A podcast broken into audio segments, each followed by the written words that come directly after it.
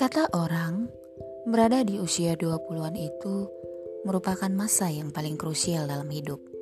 Karena kamu mulai dipertemukan dengan quarter life crisis yang akan menentukan hidupmu. Sekarang, setiap minggunya, Being Twenties ada untuk berbagi dengan kamu, mengobrol ringan, membahas tentang permasalahan-permasalahan seputar kehidupan di usia 20-an mulai dari keraguan untuk melanjutkan kuliah atau bekerja, memikirkan tentang tanggung jawab dan kewajiban yang harus kamu lakukan, ataupun tentang hubungan yang mulai sulit dengan orang lain dan sebagainya. Being Twenties akan menemani perjalanan pencarian jati diri kamu yang terhebat menjadi lebih mudah dan menyenangkan.